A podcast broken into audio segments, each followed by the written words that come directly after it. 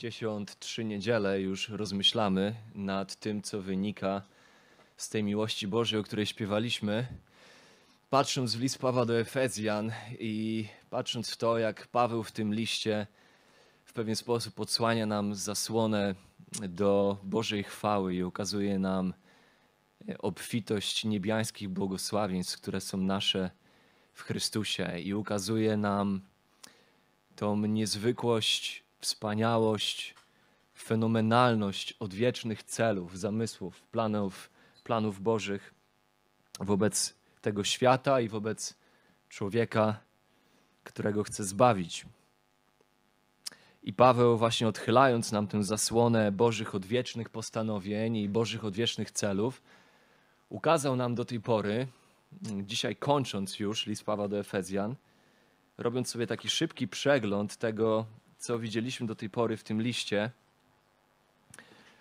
No więc po pierwsze, Paweł ukazał nam w pierwszym rozdziale, w pierwszej połowie drugiego rozdziału, jak to Bóg przed, przed założeniem świata jeszcze obdarzył miłością tych, których zdecydował się umiłować. On obdarzył miłością tych, których wybrał już przed założeniem świata, aby ich usynowić, aby ich zbawić, aby ich odkupić, aby przebaczyć im grzechy, aby ich ożywić, aby ich posadzić w okręgach niebieskich, aby uczynić ich nowym stworzeniem do nowych uczynków, przeznaczonych przez Niego dla nich jeszcze przed założeniem świata. I na to patrzyliśmy jako pierwszy element tego, co Paweł ukazuje w tym liście, jako odnoszące się do tych odwiecznych Bożych celów i Bożych planów wobec Jego stworzenia. I tak sobie myślę, jakież to musiało mieć praktyczne zastosowanie dla wierzących w Efezie. Ten pierwszy element, ten pierwszy, można powiedzieć, taki rozdział tego przesłania, które Paweł ma dla tych wierzących tam. Wierzących w Efezie, którzy przecież rozumiemy, że oni stawiali czoła przeróżnym prześladowaniom, przeróżnej opozycji, uciskom, przeciwnościom. W pewien sposób ci ludzie w Efezie, wierzący ludzie, oni w pewien sposób stanowili społeczny margines, pewną mniejszość tego społeczeństwa, którego byli częścią na co dzień. Nierzadko możemy domyślać się, że byli odtrąceni przez własne rodziny, przez przyjaciół, przez współpracowników, przez otoczenie z powodu niczego innego jak ich wiary w Chrystusa, tego, że wyznawali Chrystusa. Łatwo można sobie wyobrazić, że ci ludzie wierzący mogli czuć się nieistotni, nieważni, bezwartościowi, mali, nic nieznaczący, uciskani, cierpiący. A w tym liście apostoł Paweł próbuje uświadomić ich, że to właśnie na nich, właśnie na tych, na których społeczeństwo patrzy w ten sposób, jak na margines, jako na głupich, jako na nieznaczących, małych, że to właśnie na nich, na tych, którzy w oczach świata są nikim, to na nich Bóg skierował swoją odwieczną miłość, by ich uczynić częścią Jego odwiecznego planu ustanowienia tego właściwego porządku rzeczy, tego majestatycznego planu, kiedy to wszystko na niebie i na ziemi pojedna się w Chrystusie i On stworzy nową ludzkość, nową ziemię, nowe niebo. I to właśnie tych obdarzył swoją miłością, tych, którzy w oczach świata są nikim. Jak w pierwszym Koryntian, w pierwszym rozdziale, wersety 27-28 czytamy, że to, co jest głupstwem w oczach świata, to, co jest obrazą w oczach świata, dla nas, którzy dostępujemy zbawienia, staje się mocą Bożą. I to wszystko, co w świecie jest niczym, Bóg sobie upodobał, wybrał, aby zawstydzić tych w oczach świata, którzy są kimś lub są czymś. I jak trafnie to ujął Jim Elliot, opisując chrześcijan jako bandę tych, co są nikim wielbiącymi kogoś. I to nie miał na myśli byle kogoś, tylko kogoś z dużej litery. Jesteśmy bandą ludzi, którzy są nikim, wielbiącymi kogoś, tego kogoś. Po drugie, w liście do Efezjan Paweł ukazał nam też, jak ten pejzaż Bożych planów i Bożych celów dla człowieka, którego zbawia indywidualnie, którego umiłował, którego odkupił, któremu przebaczył, jak te Boże zamysły nie dotyczą jedynie Bożych celów dla mnie i nie dotyczą jedynie Bożych celów dla Ciebie, jeżeli jesteś tym, którego Bóg zbawił w Chrystusie, ale jak to wszystko dotyczy nas. Nie mnie i nie Ciebie tylko, ale nas. Nas kolektywnie, grupowo, jako Bożego ludu.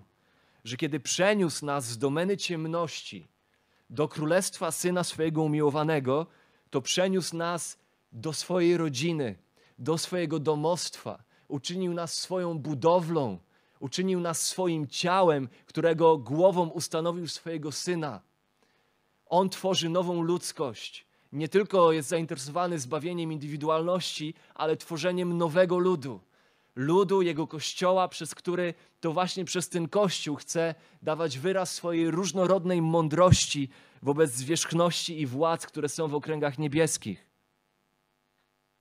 Czy to Żydzi, czy poganie, bez względu na pochodzenie, bez względu na kulturę, bez względu na rasę.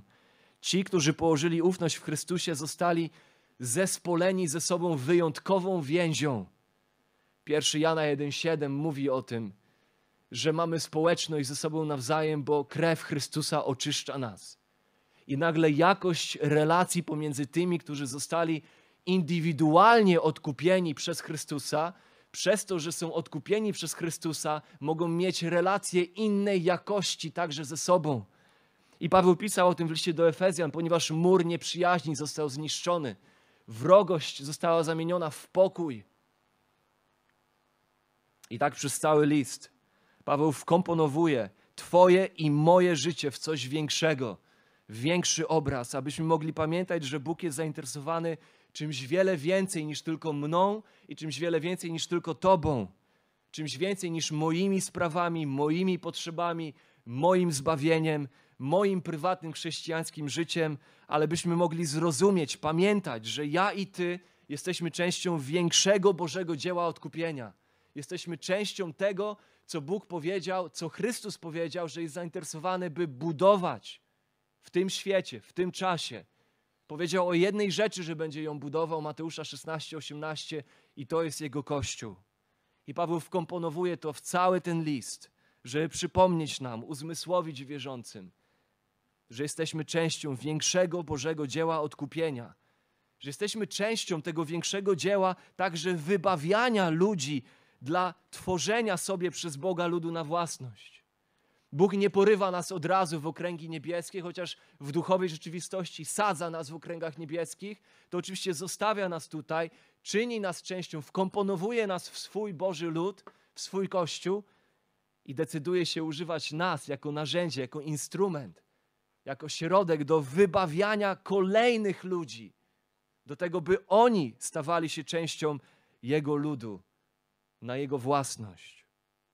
A potem od rozdziału czwartego Paweł zaczyna uczyć, że będąc obiektem tych wszystkich niepojętych przywilejów i tych duchowych błogosławieństw, jako chrześcijanie, mając je na własność, wraz z przywilejami pojawia się odpowiedzialność.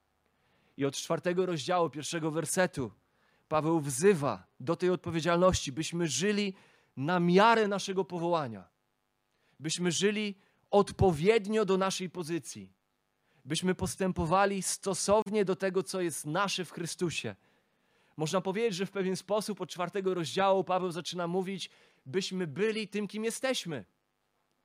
Przez trzy rozdziały próbuje uzmysłowić wierzącym w Efezie, kim oni się stali, kim oni są w obiektywnej duchowej rzeczywistości, a od czwartego rozdziału mówi, więc bądźcie teraz w praktyce tym, kim jesteście duchowo, kim staliście się duchowo nowym Bożym stworzeniem do nowych Bożych uczynków. I mówi o wielu wymiarach naszego praktycznego, codziennego życia i jak ono powinno wyglądać, jako to, które właściwie manifestuje to, co zaszło nas, co zaszło w nas, zadziało się w nas duchowo. I na koniec tego listu, na koniec tego listu od rozdziału 6, wersetu 10, wpatrując się w to fascynujące studium o elementach całej zbroi Bożej, Paweł podkreśla fakt, iż w tym życiu toczymy bój, że to życie jest walką, że żyjemy w strefie wojny i potrzebujemy Bożego usposobienia nas, Bożej ochrony, Bożego wyposażania nas, jeżeli mamy się ostać. No i teraz od wersetu 21 do wersetu 24 Paweł kończy ten list. A to zakończenie jest bardzo praktyczne, jest bardzo pouczające. To są takie fragmenty, które wydaje mi się łatwo nam przeskakiwać, pomijać. No to są tylko jakieś tam pozdrowienia, pożegnania, zakończenia, a one są pełne praktyczności. Całe pismo przez Boga jest natchnione i pożyteczne, łącznie z tymi fragmentami.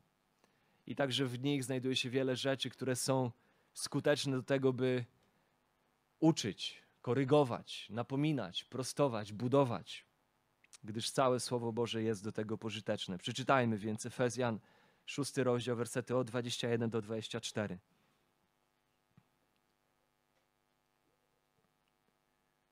O wszystkim zaś, żebyście i wy wiedzieli, co się ze mną dzieje i co porabiam, powiadomi was Tychikus, umiłowany brat i wierny sługa w Panu, którego posłałem do was właśnie po to, abyście dowiedzieli się o tym, co się z nami dzieje i aby pocieszył wasze serca. Pokój niech będzie braciom i miłość wraz z wiarą od Pana Boga, od Boga Ojca i Pana Jezusa Chrystusa. Łaska niechaj będzie ze wszystkimi, którzy miłują Pana naszego Jezusa Chrystusa miłością niezniszczalną. Amen. Kiedy patrzymy na ten fragment, to głównie widzimy w tym fragmencie przedstawienie nam trzech postaci niejako. Mamy tutaj trzy postacie, które Paweł ukazuje, zwraca na nie uwagę. Najpierw zwraca uwagę na postać o imieniu Tychikus, w niektórych przykładach Tychik, który najprawdopodobniej był pisarzem Pawła, także był gońcem, który ten list miał zanieść, czy kilka listów do różnych miejsc. Za chwilę do tego wrócimy, spojrzymy na postać Tychikusa. On spisywał słowa Pawła, gdy ten je dyktował. Paweł miał słaby wzrok, możemy domyślać się z Galacjan 6:11. Wraz z upływem lat ten wzrok słabł. Paweł, kiedy momentami brał pióro od swojego pisarza i pisał coś sam, pisał dużymi literami, to było trudne dla niego pisać coś samemu, więc osoby takie jak Tychikus były dla niego pisarzami, on im dyktował swoje listy. I Tychikus był taką postacią, która towarzyszyła Pawłowi w jego trudnych chwilach był jego pisarzem, był jego gońcem. Tutaj natomiast od wersetu 21 do 24 mamy taką sytuację, w której to Paweł wydaje się zabiera pióro właśnie Tychikusowi, aby zapisać ostatnie słowa listu od siebie do umiłowanych braci i sióstr w Efezie. I właśnie wykorzystuje ten list, czy wykorzystuje tę ostatnią część tego listu, by nam powiedzieć co nieco na temat tego mężczyzny, na temat Tychikusa, jednocześnie pisząc o nim, tak naprawdę ukazuje nam coś na temat siebie samego. Ponieważ druga postać, która nam się ujawnia w tym fragmencie, to jest sam Paweł. Więc mamy zwrócenie uwagi na Tychikusa, ale też mamy zwrócenie uwagi na Pawła. Tutaj Paweł w pewien sposób, mówiąc o Tychikusie i zwracając się do Efezjan, tak naprawdę odsłania nam poniekąd swoją duszę i swoje serce. Ukazuje nam, jak on sam jako apostoł Paweł zawsze zabiega o pielęgnowanie społeczności, jak on zabiega o pielęgnowanie wspólnoty i bliskości z kościołami, którym służył, z którymi miał więź. Jak on ukazuje siebie tutaj, mimo że nie robi tego intencjonalnie, to się dzieje samo. Widzimy tutaj odsłonięte serce Pawła. Do tej pory ten list był dość bezosobowy, był dość ogólny. Tutaj natomiast mamy takie osobiste słowa od Pawła, które pomagają nam zajrzeć w jego serce, w jego duszę i zobaczyć jego troskę, jego właśnie staranie, pielęgnowanie bliskości społeczności i wspólnoty z Kościołem Jezusa Chrystusa, jego zaangażowanie w życie tych ludzi, którym służył. I potem od wersetu 23, ostatnie dwa wersety, Paweł wygłasza błogosławieństwo, w którym kieruje naszą uwagę na postać Boga. Więc mamy skierowanie naszej uwagi na Tychikusa, na Pawła i na postać Boga. Jest to niejako podwójne błogosławieństwo, Jedno jest zawarte w wersecie 23, a potem jakby od nowa w wersecie 24 Paweł powiela to błogosławieństwo. Jeszcze raz je powtarza trochę innymi słowami. Kończąc więc ten list, spójrzmy na te postacie, które są tutaj nam ukazane i zobaczmy, czego możemy się nauczyć e, od nich, patrząc, czy o nich, od nich, czego możemy się nauczyć, spoglądając na te trzy postacie. Spójrzmy najpierw na Pawła. Na Pawła. Gdyż Paweł jest tym, który pisze te słowa. Zanim spojrzymy na Tychikusa i na Boga, spójrzmy na Pawła. Czego dowiadujemy się o Pawle w tych czterech wersetach? No właśnie, do tego miejsca ten list był dość bezosobowy, nie był zbyt osobisty. Prawdopodobnie głównym powodem tego jest to, że list do Efezjan był skierowany do większej ilości zborów. Mówiliśmy sobie o tym w pierwszym kazaniu, tam wiele, wiele lat temu, gdzie w wielu manuskryptach nawet nie zawiera się słowo, kiedy byśmy cofnęli się do pierwszego rozdziału, pierwszego wersetu listu Pawła do Efezjan. Paweł z woli Bożej, apostoł Chrystusa Jezusa do świętych w Efezie. W wielu manuskryptach nawet nie znajduje się ten zwrot w Efezie, nie ma go tam. Jest bardzo wiele powodów y, wskazujących na to, że ten list był listem bardziej powszechnym że on może był pierwotnie skierowany do zboru w Efezie, ale potem miał być rozsyłany po wszystkich zborach okolicy prowincji, rzymskiej prowincji Azji Mniejszej. Dlatego był listem bardziej ogólnym. Ten list nie odnosi się do żadnego konkretnego problemu w żadnym zborze, chociaż dotyka pewnych, wydaje się, że są aluzje do pewnych problemów, ale nie rozprawia się z żadnym konkretnym grzechem w tym kościele, jak to miało miejsce w liście do Koryntian, jak to miało miejsce w liście do Galacjan. Tutaj list, jest bardziej ogólny, jest mniej osobisty. Właśnie prawdopodobnie z tego powodu, że był listem powszechnym, skierowanym do wielu zborów. Tutaj jednak na sam koniec Paweł podnosi żaluzję, odsłania właśnie nam swoje serce i widzimy w jego sercu, że jest to serce, które tętni, które tryska troską o Bożych ludzi, o Boży Kościół, o Boży zbór. To, co wyłania się tutaj z serca Pawła, nabiera jeszcze większego znaczenia, jeszcze większych rozmiarów, kiedy weźmiemy pod uwagę okoliczności, w jakich on pisze te słowa. Kiedy zatrzymamy się na chwilę nad kontekstem tego, w jakim kontekście on napisał te słowa. Musimy pamiętać, że Paweł, kiedy pisze te słowa, znajduje się w więzieniu w Rzymie. Nie jest człowiekiem wolnym, jest w łańcuchach, jest w kajdanach, jest przykuty do strażnika. Paweł starzeje się, lata upływają, jest coraz słabszy, coraz słabszy na ciele, potrzebuje pomocy z zewnątrz. Często na tym polegały więzienia rzymskie, że trzeba mieć ludzi, którzy tobie by usługiwali, ponieważ więzienie nie zapewniało tobie zbyt wiele rzeczy. To nie były więzienia, to nie był system więziennictwa taki, jaki my znamy ze współczesnych czasów a już na pewno nie takie, jak na przykład możemy znać z, z, krajów skandynawskich, z Norwegii, gdzie więzienia są jak hotele czterogwiazdkowe albo i lepiej.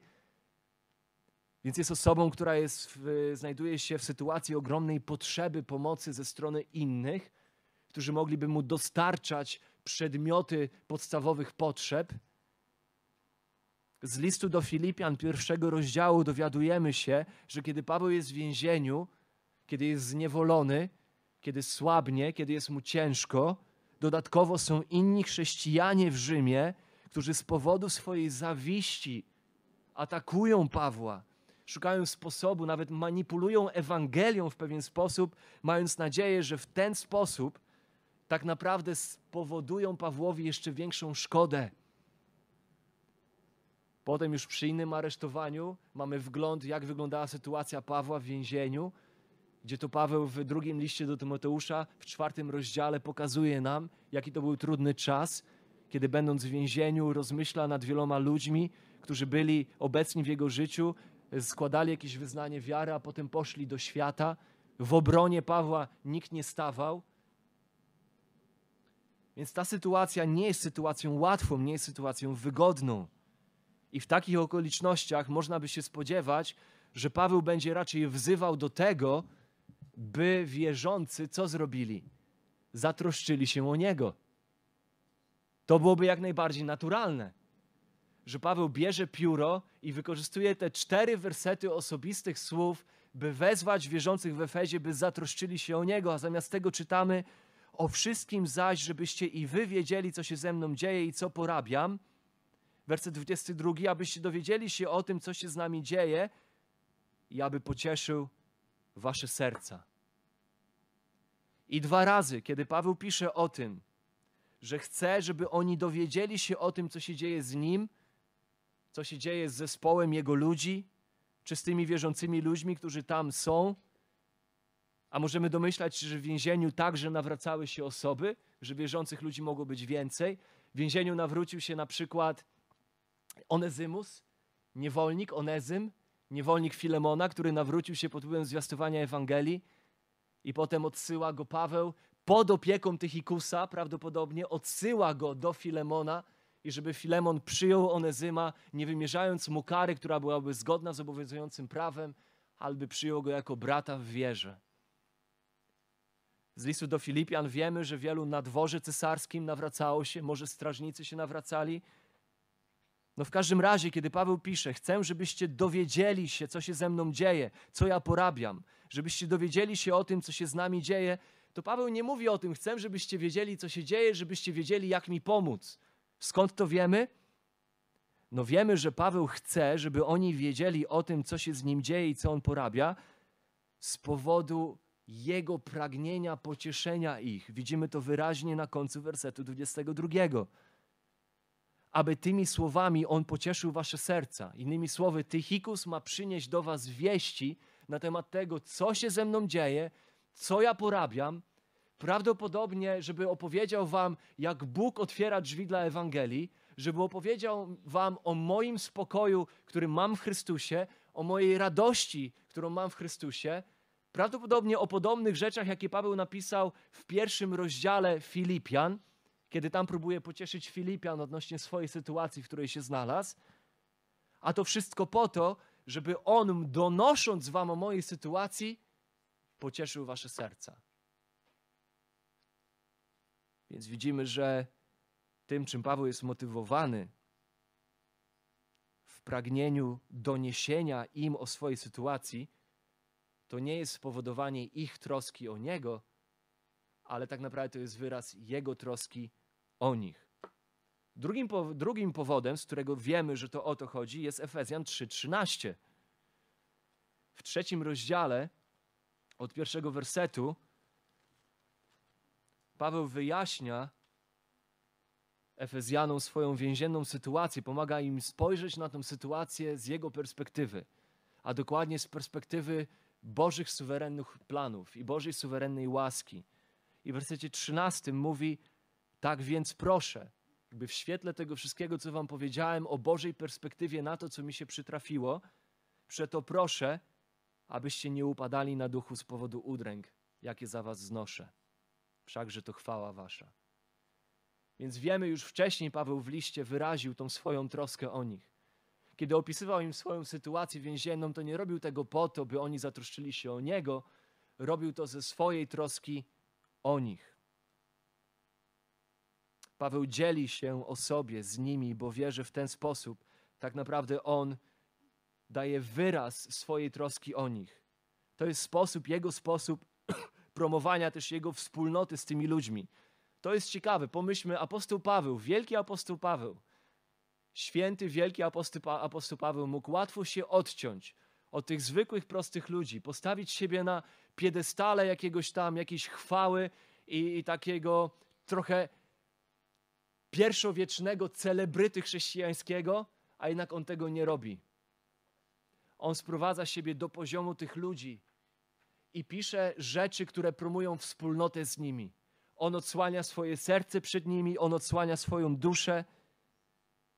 I to właśnie między innymi takie rzeczy, jak te, które są zawarte tutaj w słowach Pawła. Pawła, który otwiera swoje serce, który wylewając troskę, dzieli się z tymi ludźmi na temat swojej sytuacji. To są takie rzeczy właśnie sprawiają, że serca ludzi w Kościele zaczynają się ze sobą splatać. Relacje zaczynają się zacieśniać.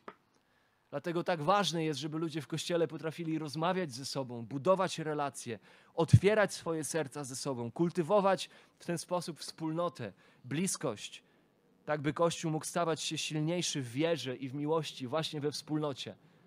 Czyż to nie jest jedna z tych rzeczy, którą zauważyliśmy, jeżeli ktokolwiek z nas przyszedł tu na przykład z kościoła rzymskokatolickiego? Czyż to nie jest jedna z tych rzeczy, która tak mocno uderzyła nas, że kiedy wchodzimy w otoczenie ludzi prawdziwie odrodzonych, odrodzonych, narodzonych na nowo z powodu poznania prawdziwego Chrystusa i prawdziwej Ewangelii, że nagle przyjście do kościoła nie wiąże się z odprawieniem jakiegoś obowiązku, za, za zapisaniem jakiejś swojej obecności i potem pójście do domu, ale że tu są autentyczne relacje, że ma miejsce nadzwyczajna więź, którą Bóg stwarza swoim Duchem Świętym pomiędzy tymi, którzy do Niego należą. I to widzimy też u, apostoła Pawła. Apostoł Paweł czyni to także i przez te słowa sprowadza siebie do ich poziomu, otwiera swoje serce, dzieli się z nimi o swojej sytuacji, o swoim życiu, pociesza ich, wyraża swoją troskę, nie odcina się od nich, nie traktuje ich jedynie teoretycznie, nie traktuje ich jako obiekt jakiegoś programu religijnego, jakiejś swojej misji do odklepania, do zaklepania, ale tak naprawdę robi rzeczy, które pomagają im spleść ze sobą nawzajem swoje serca, zacieśnić relacje, pokazać braterstwo, że my pielęgnujemy tutaj braterstwo pomiędzy sobą.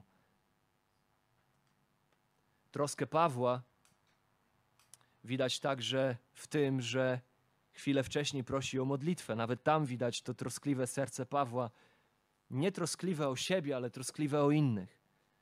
Bo nawet to, co studiowaliśmy ostatnim razem, ta modlitwa, zobaczcie, że to nie jest modlitwa o jego dobrobyt, ale to jest modlitwa o dobrobyt tych, którzy są wokół niego, a wciąż są zgubieni żeby on potrafił z odwagą głosić im Ewangelię. To jest Paweł. Człowiek ogromnej troski o innych. Troski o zgubionych i troski o tych, którzy są w kościele. Widzimy troskę Pawła w tym, że martwiąc się o to, że oni mogą się martwić o niego, wysyła do nich Tychikusa, by pocieszył ich serca. I tu dodatkowo musimy wziąć pod uwagę fakt, iż posyłając do nich Tychikusa, Paweł wie, co to oznacza dla niego praktycznie. To nie jest od taka sobie lekka rzecz, że Paweł wysyła do nich Tychikusa. Bo to, że on odsyła Tychikusa do nich, oznacza, że Tychikusa nie będzie przy nim.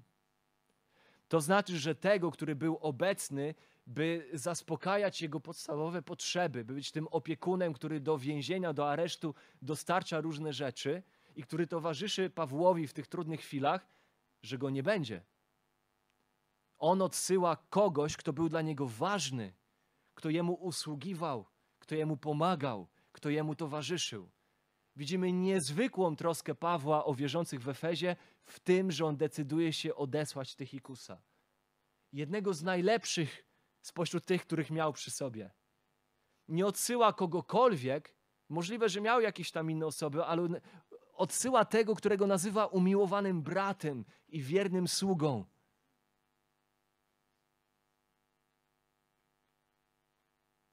W ogóle pytanie, dlaczego on nazywa go umiłowanym bratem i wiernym sługą, kiedy pisze do nich?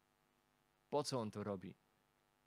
Dlaczego on w ten sposób pisze o Tychikusie? Czyż nie mógł na, po prostu napisać, wysyłam do was Tychikusa? Dlaczego on to robi? Dlaczego on go tak chwali?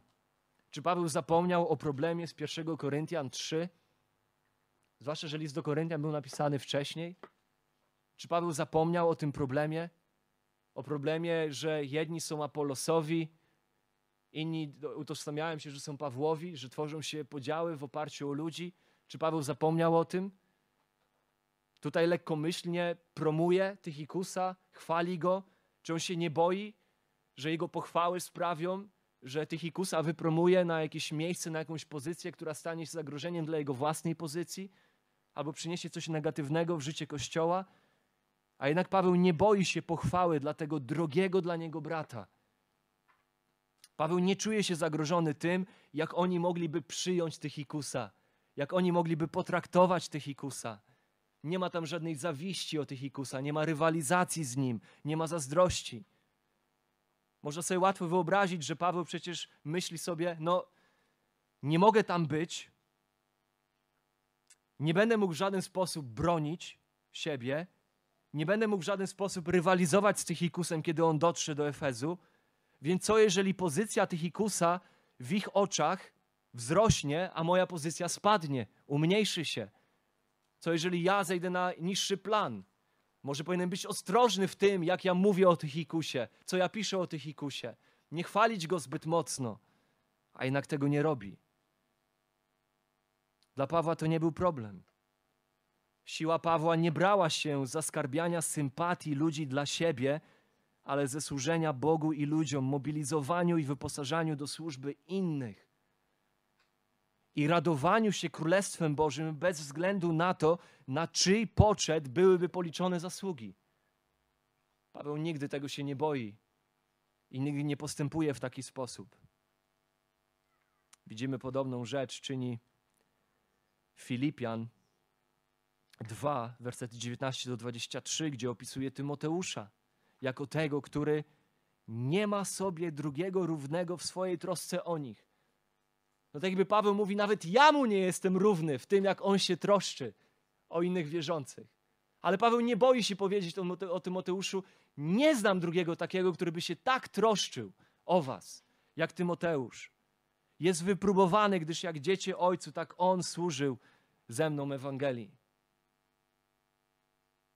Więc na sam koniec listu widzimy w Pawle przykład osoby, która troszczy się o innych wierzących, robi rzeczy, postępuje w sposób pielęgnujący wspólnotę Kościoła, splatający serca ludzi ze sobą, pokrywa swoje nauczanie ze swoim pobożnym życiem, życiem łagodności, życiem miłości, życiem poświęcającym się dla duchowego dobra innych ludzi, dla duchowego dobra lokalnych kościołów, w którym służył. Widzimy w Pawle osobę, która jest osobiście zaangażowana w życie tym, w życie tych, którym służył. Nie służy im bezosobowo, nie służy im teoretycznie, ale służy im życiem składanym na ofiarę żywą, świętą, miłą Bogu i w pewien sposób na ofiarę dla nich. Podobny obraz Pawła spotykamy w pierwszym Tesaloniczan, pierwszy rozdział, wersety 5 do 12. Tam znowu Paweł odsłania nam, jakby w osobisty sposób, pisząc o sobie, odsłania nam swoje serce. I ten Paweł, którym czasami mamy skłonność, może myśleć jako takim bardzo odważnym, może takim stanowczym, może głośnym, może chłodnym, może surowym człowieku, to tutaj poznajemy go z innej strony albowiem nigdy nie posługiwaliśmy się pochlebstwami. Jak wiecie, ani też nie kierowaliśmy się pod jakimkolwiek pozorem chciwością. I Bóg tego świadkiem. I nie szukaliśmy chwały u ludzi, ani u Was, ani u innych. Nie byliśmy chciwi w tym, nie podejmowaliśmy się manipulacji w tym, gdyż naszym celem nie było zaskarbienie sobie chwały dla nas od kogokolwiek. Chociaż jako apostołowie Chrystusa mogliśmy być w wielkim poważaniu, przeciwnie, byliśmy pośród Was łagodni jak żywicielka, otaczająca troskliwą opieką swoje dzieci. Żywiliśmy dla Was taką życzliwość, iż gotowi byliśmy nie tylko użyczyć Wam Ewangelii Bożej, ale i dusze swoje oddać, ponieważ Was umiłowaliśmy. Wszak pamiętacie, bracia, trud nasz i mozuł. Trud nasz i mozuł, pracując nocą i dniem, aby dla nikogo z was nie być ciężarem, głosiliśmy wam Ewangelię Bożą. Wy jesteście świadkami i Bóg, jak świątobliwe i sprawiedliwe i nienaganne było postępowanie nasze między wami wierzącymi. Wszak wiecie, że każdego z was, niczym ojciec, dzieci swoje, napominaliśmy i zachęcaliśmy i zaklinaliśmy, abyście prowadzili życie godne Boga, który was powołuje do swego królestwa i chwały. Oto serce Pawła, oto jego postawa. Widzimy w Pawle niesamowity przykład troski, troski o Kościół, postawę zabiegającą o pielęgnowanie wspólnoty z tymi ludźmi, którym służył, których Bóg postawił w jego życiu, o ich duchowy wzrost, Widzimy jego osobiste zaangażowanie w życie kościoła, w którym służył. Sobie myślę, jak wiele lekcji z tego wynika dla nas na dzisiaj. Nawet w kontekście technologii.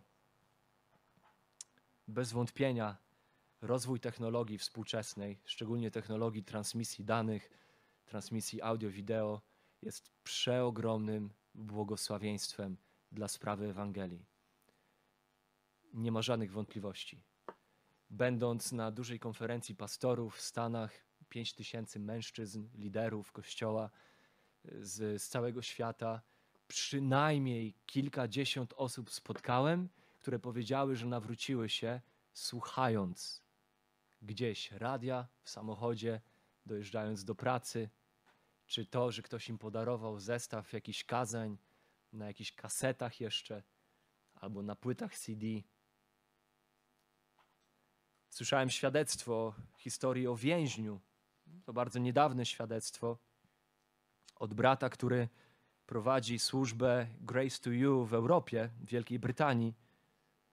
Pewien więzień, który sprzątał więzienną bibliotekę. To było jego zadanie, jego praca w więzieniu. I pewnego dnia, sprzątając na półce, zobaczył zestaw płyt CD z serią kazań Johna MacArthur'a. I zainteresowało go to. Więc sprzątając, zaczął ich słuchać. W konsekwencji nawrócił się. To się wydarzyło bardzo niedawno, na przestrzeni tam ostatniego półtorej roku, w czasie pandemii. I zaczął dzielić się Ewangelią z innymi więźniami. Stworzył grupkę w więzieniu, która codziennie słuchała potem audycji radiowych ze stacji Grace to You Europe. Spotykali się i słuchali porannych audycji. No i to są niesamowite rzeczy, jak ta technologia jest wykorzystywana dla Bożych celów. Jednocześnie, dzięki technologii czy przez technologię, pojawiło się jeszcze większe zagrożenie kreowania bezosobowego chrześcijaństwa. Łatwo jest nam dzisiaj, chrześcijanom XXI wieku, uczynić swoimi pastorami ludzi, których nauczanie bardzo lubimy, a którzy naszymi pastorami nie są i prawdopodobnie nigdy nie będą. W swoim na nauczaniu nie zwracają się do nas, ale do swoich kościołów, w których usługują na co dzień i nie tylko usługują swoim kościołom, swoim nauczaniem, ale także usługują tym kościołom swoim życiem. Za ich nauczaniem stoi to życie, które pokrywa się z ich nauczaniem, i ci ludzie, którym służą, widzą to i mogą odbierać błogosławieństwo nie tylko z ich nauczania, ale z ich życia.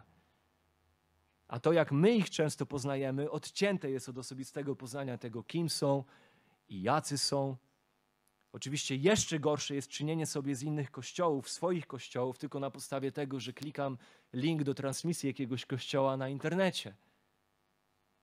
I jeżeli nie jesteśmy ostrożni, jeżeli nie widzimy tego zagrożenia, nie rozpoznajemy go, to to z kolei prowadzi do tego, że zaczynamy traktować takie bezosobowe chrześcijaństwo jako pewnego rodzaju normę. Normę. Że moje chrześcijaństwo nagle głównie rozgrywa się w sferze bezosobowych relacji. Bezosobowych pastorów, bezosobowych liderów, bezosobowych relacji z ludźmi gdzieś tam w przestrzeni cyber. O własnych pasterzy się nie modlę, nie darzę uznaniem, nie darzę miłością i tym bardziej nie darzę autorytetem, bo przecież mam pasterzy w internecie, którzy w zasadzie moimi pasterzami nie są. Mnie nie znają, ja ich nie znam, a sprawy za moją duszę też nie zdadzą. No ale mam takie poczucie, że są moimi pasterzami, to jeszcze wspaniałymi, bo ukończyli nie wiadomo jakie seminaria, więc wobec moich pasterzy już w ogóle się nie modlę, w ogóle nie zwracam uwagi, a już na pewno nie darzę uznaniem ani autorytetem. Potem się okazuje, że też i o wspólnotę i społeczność z lokalnym kościołem też już nie zabiegam. Nie staram się, nie poświęcam się, nie rezygnuję z pewnych rzeczy, by troszczyć się o wspólnotę lokalnego kościoła, no bo przecież podłączam się do dobrego nauczania w internecie, gdzie wspólnoty w zasadzie nie mam, ale oszukuję się, że mam. I 80% tego, co słyszę w nauczaniu, które szanuję tam w internecie, tak naprawdę nawet zastosować nie mogę, bo 80% to, tego, co słyszę, tak naprawdę ma zastosowanie tylko w życiu lokalnej wspólnoty. Ale ja tego nie mam, bo siebie oszukuję, że moim życiem wspólnotowym jest życie w cyberprzestrzeni z nikami i loginami na ekranie. W służbę w lokalnym kościele dodatkowo się nie angażuję. Nie mam takiego pragnienia, gubię je. Nie angażuję się, nie szukam jej, no bo przecież prowadzę nieustanne dyskusje teologiczne w mediach społecznościowych. Więc mam poczucie, że służę Bogu jak nikt inny nawet. Bo debatuję, wykłócam się z ludźmi, prowadzę niekończące się debaty teologiczne, co jakąś tam służbą oczywiście jest, ale w zasadzie bardzo często moją samozwańczą, której to ja jestem sternikiem, ja jestem sterem, a nawet ja jestem całym statkiem tej służby. W konsekwencji okazuje się, że moja służba bardziej Ewangelii w którymś momencie zaczyna szkodzić niż ją ozdabiać. Tylko nikt nawet nie jest w stanie tego zweryfikować, no bo przecież nikogo w moim życiu nie ma. Mam bez, stworzyłem sobie bezosobowy kościół, bezosobowych pastorów i bezosobowej służby. No i mam złudne poczucie, że w moim bezosobowym chrześcijaństwie wszystko jest ok. Podczas gdy Bożym zamysłem i jedynym zamysłem Bożym dla mojego chrześcijańskiego życia, dla uwielbienia Boga, dla wzrastania w Bogu i służby Bogu jest wspólnota lokalnego kościoła, osobistych relacji w lokalnym kościele, osobistego zaangażowania w służbę lokalnego kościoła, w relacje z innymi wierzącymi, którzy mają ciało i krew w lokalnym kościele, troszcząc się o nich, służąc im, służąc z nimi, modląc się za nich, modląc się z nimi i głosząc Ewangelię z nimi. Tutaj cytat Stota wydaje się bardzo trafny. John Stott. Mam nadzieję, że nikt z moich czytelników nie jest tu groteskową anomalią, bezkościelnym chrześcijaninem. W Nowym Testamencie nie istnieje taka postać, gdyż Kościół leży w samym centrum odwiecznego planu Bożego. Nie jest jakimś przypadkowym pomysłem, nie jest wypadkiem historii, wręcz przeciwnie. Kościół jest ludem Bożym dla Jego celów, zrodzony we wiecznym zamyśle Bożym – realizowanym w toku wydarzeń historycznych, doprowadzony do doskonałości w stanie wiecznym. Tak więc powodem, dla którego jesteśmy tak oddani lokalnemu kościołowi, jest to, że Bóg jest jemu oddany. I w odróżnieniu do tego, co coraz częściej można zaobserwować w naszych czasach, Paweł jest przykładem osoby bardzo osobiście zaangażowanej w relacje z kościołami, którym służy. Widać, że nawet w tych relacjach na odległość on dba o to, by te, one były w formie troszczącej się o tych braci i siostry, nawet z daleka. Nawet wtedy, kiedy nie ma FedExu, nie ma impostu, nie ma skrzynek e-mailowych. Czyni wysiłek, by dać wyraz swojej osobistej troski o tych wierzących. A w ostatnich dwóch wersetach kieruje ich oczy na pokój, miłość, łaskę i wiarę, jakie płyną od Boga dla ludzi, dla nich. I nawet w tym pozdrowieniu widzimy troskę Pawła. Nawet w tym pozdrowieniu, które mamy skłonność tak łatwo pomijać, przeskakiwać przez nie, jest tak wiele na temat postawy, jaką należy mieć wobec braci i sióstr. Paweł tutaj pragnie dla nich rzeczy, które sięgają ponad okoliczności ich życia. Rzeczy, które sięgają ponad to zwykłe, życiowe i sytuacyjne szczęście. Paweł nie życzy im ostatecznie życiowego i sytuacyjnego szczęścia, ale pragnie dla nich rzeczy ponad te rzeczy, rzeczy niewidzialnych, rzeczy wiecznych. Pragnie dla nich pokoju Bożego, miłości Bożej, wiary od Boga i łaski Bożej. Spójrzmy na Tychikusa. Tychikusa poznajemy jako jednego ze współpracowników Pawła to on powiadomi was, 21 werset, Tychikus, mój umiłowany brat i wierny sługa w Panu, którego do was posłałem. I on ma pocieszyć wasze serca, końcówka 22 wersetu. Tychikus jest tym, który towarzyszył Pawłowi w jego czwartej podróży misyjnej, Dzieje apostolskie, 20 rozdział. Jest tym, który pomagał zebrać wsparcie dla zborów jerozolimskich, kiedy były w ubóstwie – Tychikus poczynił wysiłek, żeby udać się do Rzymu, by być z Pawłem podczas jego pierwszego aresztowania. Tychikus jest tym, który eskortował niewolnika, uciekiniera, o którym wspomnieliśmy, Onezyma, który do Filemona miał się udać, tak by ten przyjął Onezyma jak brata, a nie żeby go ukarał. Paweł też wysłał albo Artemasa, albo Tychikusa, nie wiemy kogo ostatecznie wysłał, ale jednego z tych dwóch wysłał. Widzimy to w Tytusa 3:12, że albo Artemasa, albo Tychikusa, żeby jeden z nich wsparł Tytusa na Krecie, w tej ważnej pracy na Krecie, o której głosi nam Kyle, kiedy ma okazję stawać za kazalnicą.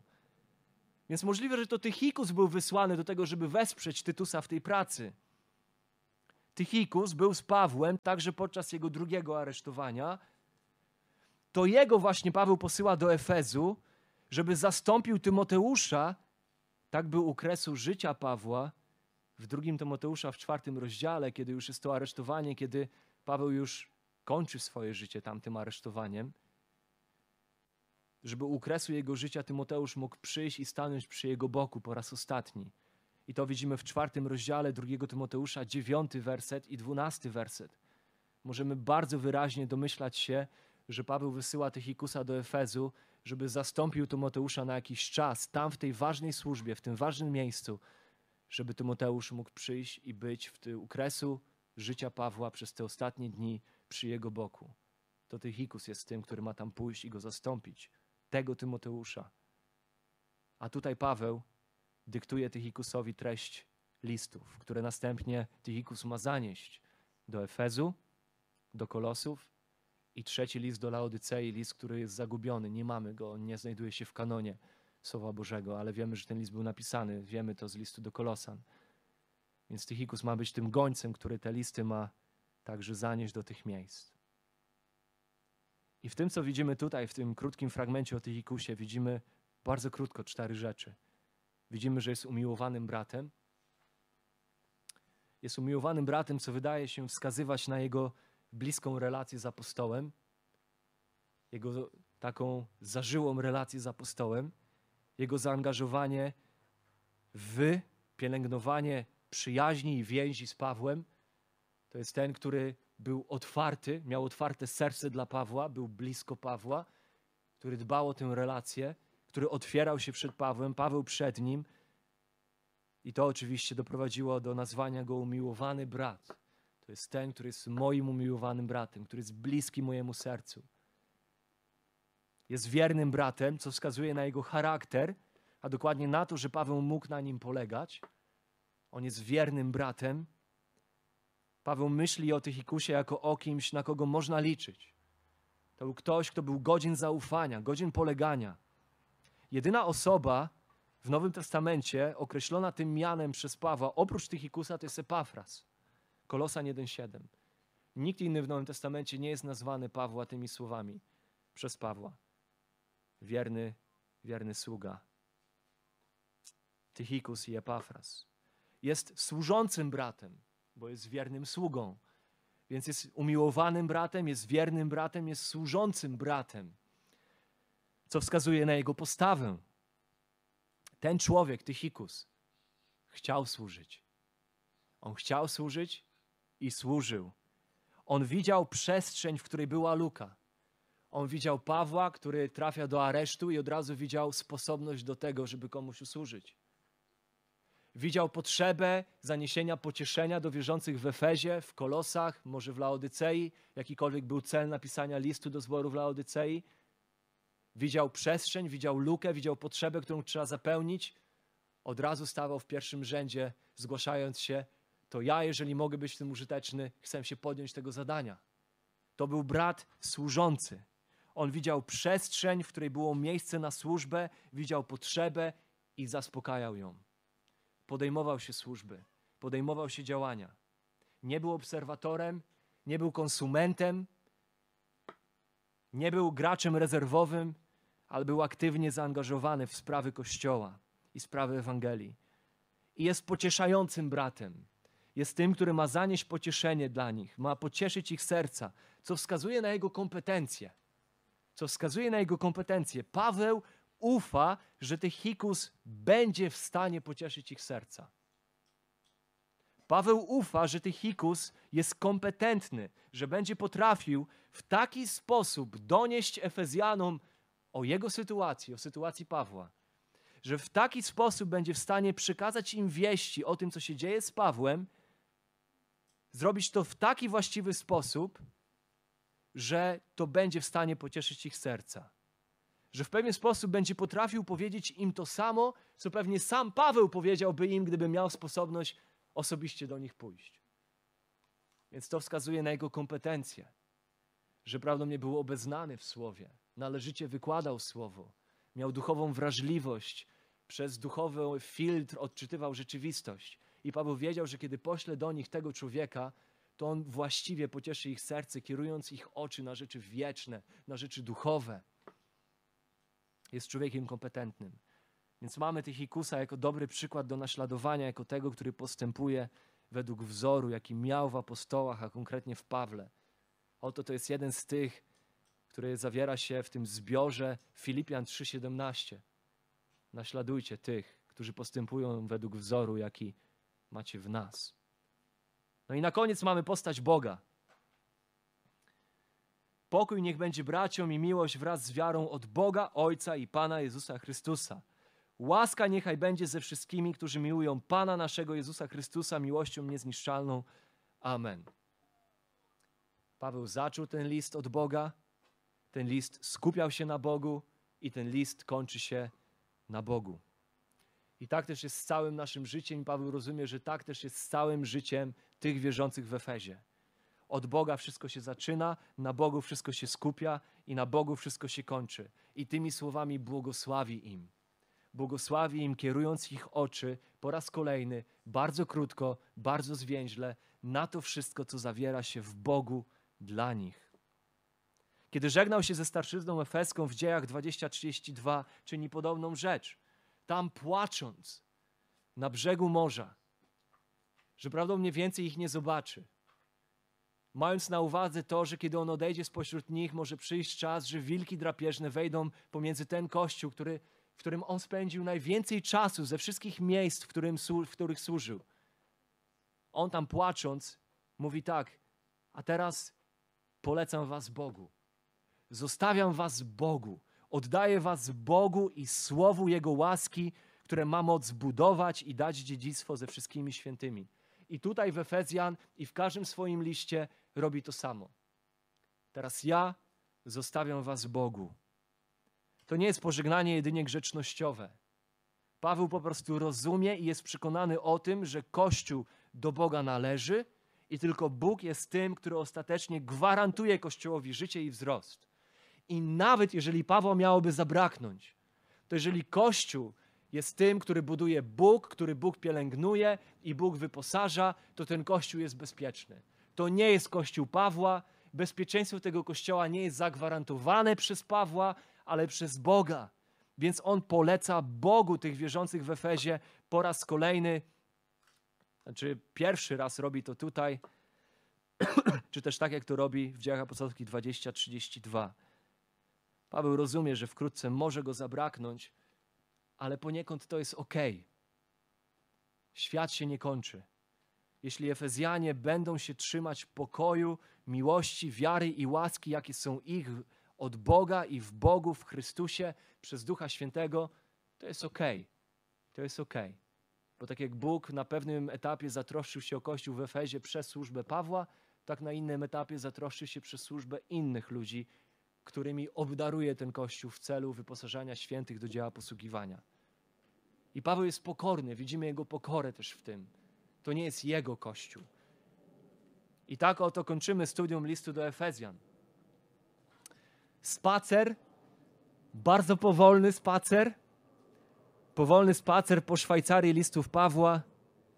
I tak też pokój niech będzie wam i miłość wraz z wiarą od Boga Ojca i Pana Jezusa Chrystusa. I łaska niech będzie z wami wszystkimi, którzy miłujecie Pana naszego Jezusa Chrystusa miłością niezniszczalną. Amen.